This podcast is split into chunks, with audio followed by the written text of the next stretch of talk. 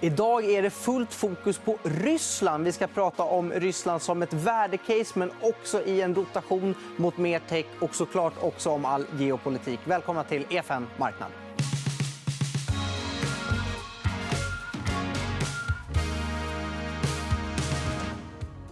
Då säger vi välkommen till Beatrice Bushati från East Capital. Stort tack.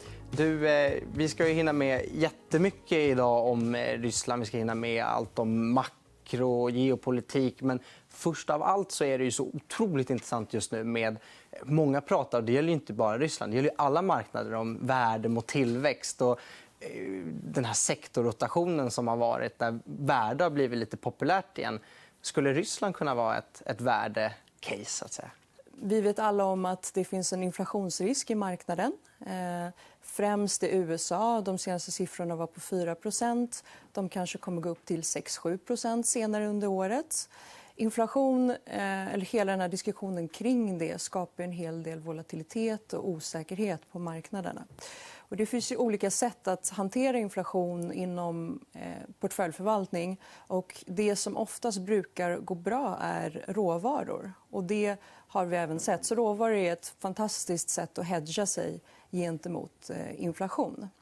Eh, det andra sättet man kan se på Ryssland är att två tredjedelar av den ryska eh, marknaden eller indexet utgörs av råvaror.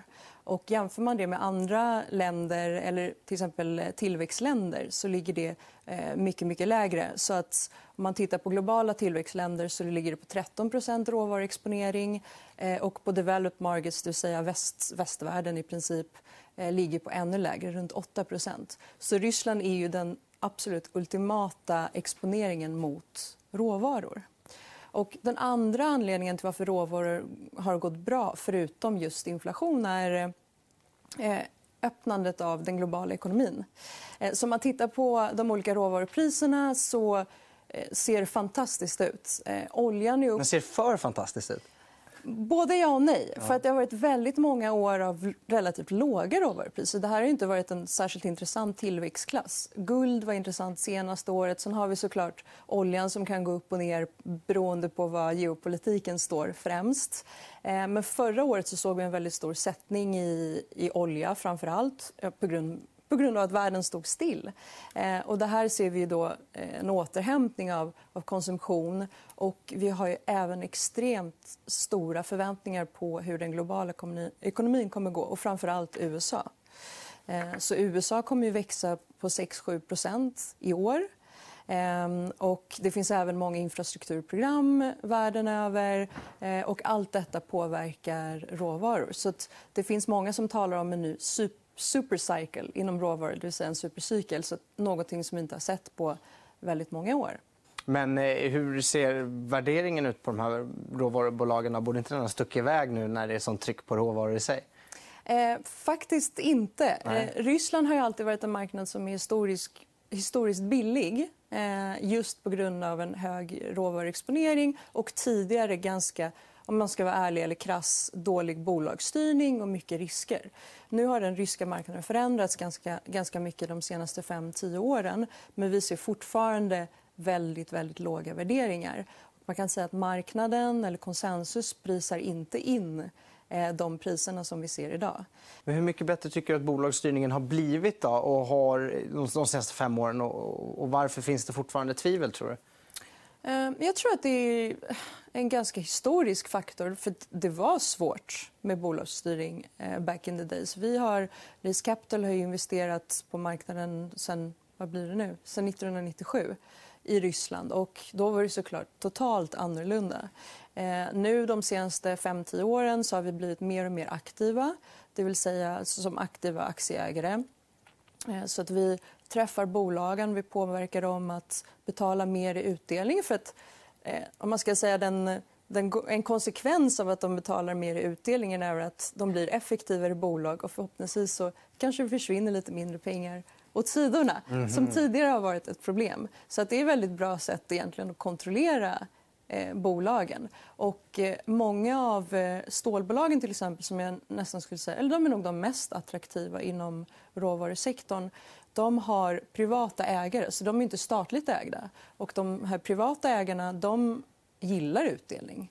Eh, det är det sättet som de egentligen får tillbaka pengar från sina investeringar. och De har många intressanta investeringar som de vill finansiera. Så att Utdelningar är väldigt viktigt. Mm. Så Det är ett sätt att se eller den ena, det ena argumentet. Ett annat argument är att eh, det är ganska enkelt att nominera till styrelsen i, i Ryssland. Det är lite annorlunda än, än i Sverige. Så äger du 2% av ett bolag eh, vilket vi som är Capital antingen själva eller tillsammans med andra investerare kan gå ihop eh, så kan man nominera till Brukar ni göra styrelsen. Det? det gör vi ganska ofta.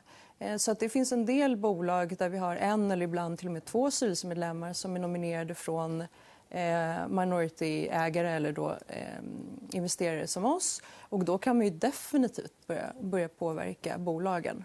Men hur välkommet, hur välkommet är det från deras sida när ni kommer in från sidan från Sverige och vill vara med och tycka till och bestämma? Ja, men det, är en bra, det är en otroligt bra fråga. Jag tror alltid i början så är det lite svårt för att det är lite främmande. Man vet inte vad det kommer innebära.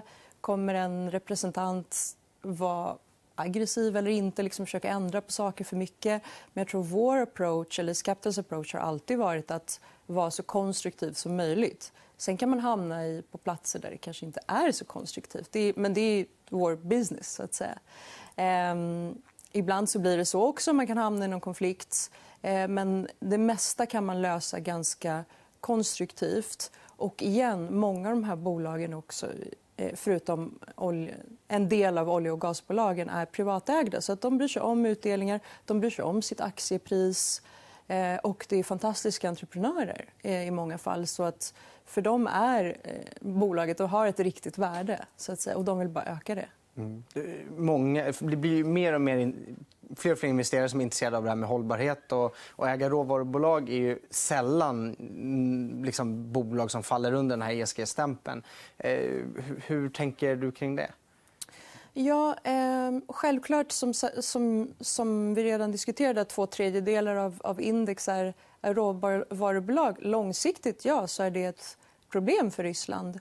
Eh, sen ska man absolut eh, veta också att många av de här bolagen gör väldigt mycket inom, råvarubolagen, alltså inom råvarusektorn att förbättra sin eh, ESG-profil. Så att de brukar ju benchmarka mot globala bolag. Så till exempel Metals Mining-bolagen eh, de tittar på BHP Billiton eller Rio eh, etc. för att förstå vad det är som de behöver göra. För igen, de bryr sig om också eh, sitt aktiepris först och främst och med det så måste man ha ESG på plats. Ehm, så att jag tror ambitionsnivån är faktiskt väldigt, väldigt hög. Och igen, det är någonting som vi på Capital jobbar väldigt mycket eh, för. Får ni mer och mer frågor från kunderna också som är nyfikna på det här om, om liksom hållbarhetsarbetet? Absolut. Och jag tror att eh, framför allt så blir kunderna alltid positivt förvånade när man, när man berättar om vad det egentligen är som sker. Och ganska ofta så har vi dialoger också eh, det kan vara en kund som frågar oss vad eh, borde inte ett, ett bolag göra, göra så här till exempel. Eh, jämföra med svenska bolag eller något liknande. För att vi är uppenbarligen väldigt duktiga på det i Sverige. Eh, och så, ganska ofta så framför vi det här till själva eh, bolaget eller investeringen. Så det är det sättet vi investerar på. Ehm, vi tror på att genom aktivt ägande så kan man förändra väldigt mycket inom bolaget. Sen, till exempel många av våra eh, peers eller konkurrenter ser på det på ett annat sätt.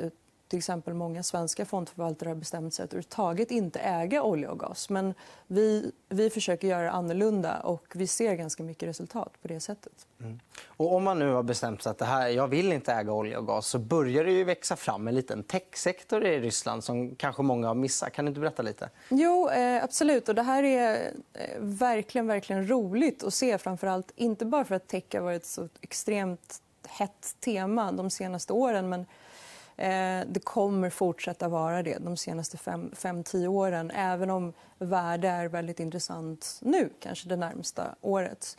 Ehm, så att om man tittar på den ryska, det ryska indexet och hur det såg ut för ett år sen så fanns det inte ett enda techbolag i indexet. Absolut, de, de existerade och de handlade, men det var inte en del av index. Idag så ligger den vikten på 13 Eh, så det är en ganska bra, bra ökning. snabb förändring. Väldigt snabb förändring. Och det, det har skett väldigt mycket. Som sagt, pandemin, eller covid, har ju eh, ökade tillväxttakten något enormt för techbolag globalt men också självklart i Ryssland. Så alla de här bolagen red ju på en extra covid eh, covid-boost, om man kallar det så. så att aktiepriserna gick upp väldigt mycket, vilket ledde till att de hamnade i index. Och vi tror att det här kommer ju bara fortsätta. Ehm, och samtidigt kommer vi se väldigt många nya bolag som kommer komma till börsen. Ryssland har ju väldigt många duktiga programmerare. Ehm, mängden av ingenjörer som nyexamineras varje år är väldigt hög. Det är faktiskt ett av de länderna där man ser högst nyexade ingenjörer. De andra är, eh, man kan jämföra med Kina, eh, Indien, Iran. Ehm, de är absolut topp. Men Ryssland är liksom bland de här toppländerna beroende på hur man ser på det. Det borde vara en sweet spot för tech då, i sådana fall. Absolut. Ja. Det är det verkligen. Och, eh, jag tror vi kommer se många olika börsnoteringar eller många nya börsnoteringar inom olika delar av techsektorn. Eh, och det här kommer självklart leda till eh, att index kommer förändras. Så att, igen, vi, vi har två tredjedelar eh, råvaror nu, eh, 13% tech.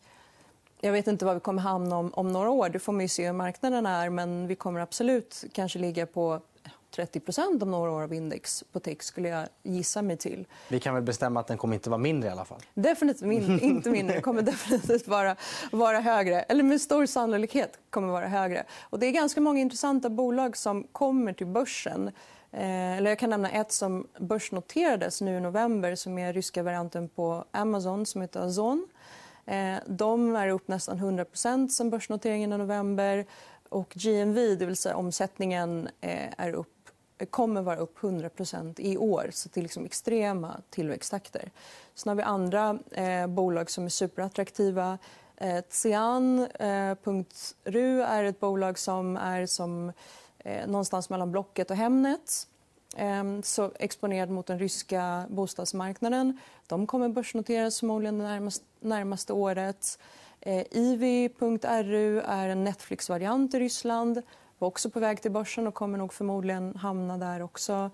Eh, Banki Toshkaru, nu slutar alla på .ru. Ja. Som man förstår att i Ryssland... .com börjar jag känna. Jag, är... jag får vänta på att den ska komma. Ja.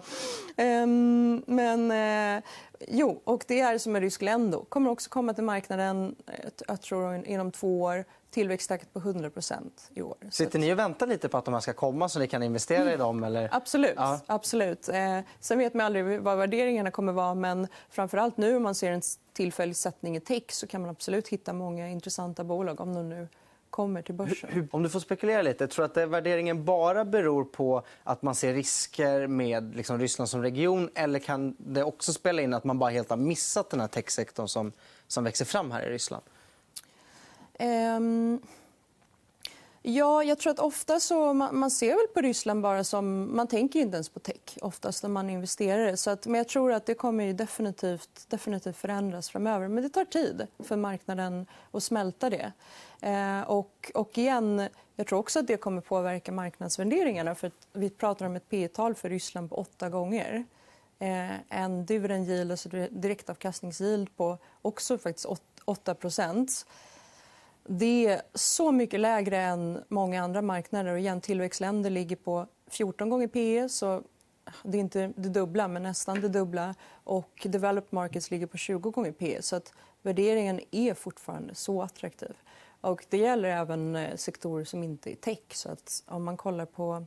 Och om, man, om man ska bortse så att säga, från tech och kanske försöka titta förbi olja och gas som vi sa. Vi får se hur, hur det kommer gå de närmaste 5-10 åren. Eh, men du kan titta på ryska retailbolag. Till exempel motsvarigheten till Ica tradar på fem gånger ebitda, P tal på 8-9 gånger, direktavkastning på 9 eh, och en tillväxt på 10% de närmaste åren. Jag tror att det är i princip omöjligt att hitta de här typen av värderingar, värderingar globalt. Jag tänkte vi skulle röra oss vidare mot eh, kanske ett av skälen då, eller mm. några av skälen till varför värderingarna ser ut som de gör. Det är ju geopolitik som ofta ligger lite som en våt filt får man väl ändå säga över det här som ett investeringscase. Eh, vi har ju bland annat Navalny, eh, men det kan också hur är Navalny, hur är det även med sanktionslättnader och det där? Ja, eh, om man tar ett steg tillbaka så Eh, den största sanktionspressen, det är helt rätt det du säger om att det, det har legat som en våt filt, det var ju runt 2018. Ehm, och, men vår tes då, eller Capitals tes var att vi kommer nog inte se så mycket mer hårda sanktioner. utan Vi nådde en peak då. Och ja, man skulle absolut få höra om sanktioner. Vi skulle se lite sanktioner, eh, framförallt på individer, eh, kanske på bolag eventuellt, men som inte är börsnoterade eh, och så vidare. Men det skulle inte påverka marknaden särskilt mycket. Och det här har stämt. Trump var såklart ganska bra för Ryssland och man var ganska osäker på hur det skulle gå med Biden. Eh, Börjar den osäkerheten utkristallisera sig nu eller är fortfarande en osäkerhet hur Biden ska... Jag tror faktiskt det ser bättre ut än förväntat. För att I början tänkte, eller vår syn var på att eh, det skulle vara ganska relativt konstruktivt. Men fortfarande han är demokrat. Eh, kanske vill fortsätta pressa mer än Trump i och med att Trump ansågs vara alldeles för, för schysst mot Ryssland. Eh, men det vi ser nu är att Biden och Putin ska träffas om två veckor. Och det är Putins första möte på ett år med någon, eller mer än ett år med, någon, med en utländsk politiker. Och det är Bidens då första utrikesresa eh, från att han har blivit president. Vaccinerad och klar? Ja, eh, det är vi alla, höll jag på att säga. Men det är de alla, hoppas jag. Det tog ett tag till Putin tog vaccin, men han har äntligen gjort det. Eh, så att ja, de kommer nog ha ett, ett förhoppningsvis produktivt möte. Och Biden är ju en person som gillar att snarare ha konstruktiva dialoger framför hårda sanktioner. Det har man ju sett eh, både historiskt och egentligen på hur han har eh, behandlat sin första period nu. Eh, och någonting som också är värt att nämna är att Eh, Nord Stream 2, alltså, det vill säga den pipelinen som ska ge gas till Tyskland har varit sanktionerad, men Biden har i princip tagit bort de här sanktionerna. För att igen, han vill ha en snarare konstruktiv dialog. Vi hade Macron var ute i morse, eller om det var igår, eh, och sa att sanktioner fungerar inte. Det har alltid varit en debatt fram och tillbaka, men oftast så påverkar det snarare de inhemska invånarna mer än att det förändrar hur hur landet leds. Eh, och sen även, vi har haft lite problem med Vitryssland de senaste dagarna. Då sa Merkel också att det finns inga bevis på att Ryssland är inblandat. Så jag tror det är mycket nu som egentligen eh, står relativt bra till. Sen har vi många andra problem som har varit, det vill säga Ukraina. Belarus kommer fortfarande vara eventuellt problem. Navalny, absolut. Men det har också lugnat ner sig. Så, att, så att det är mycket som, som har blivit bättre och också påverkar riskbilden väldigt positivt för Ryssland. Tack så mycket för att du kom hit, Beatrice Buschati. Stort tack. Och det var allt vi hade att bjuda på i dagens program. Men vi är såklart tillbaka nästa vecka igen. Då blir det Svenska bolagscase med Jon Hyltner. Vi ses då!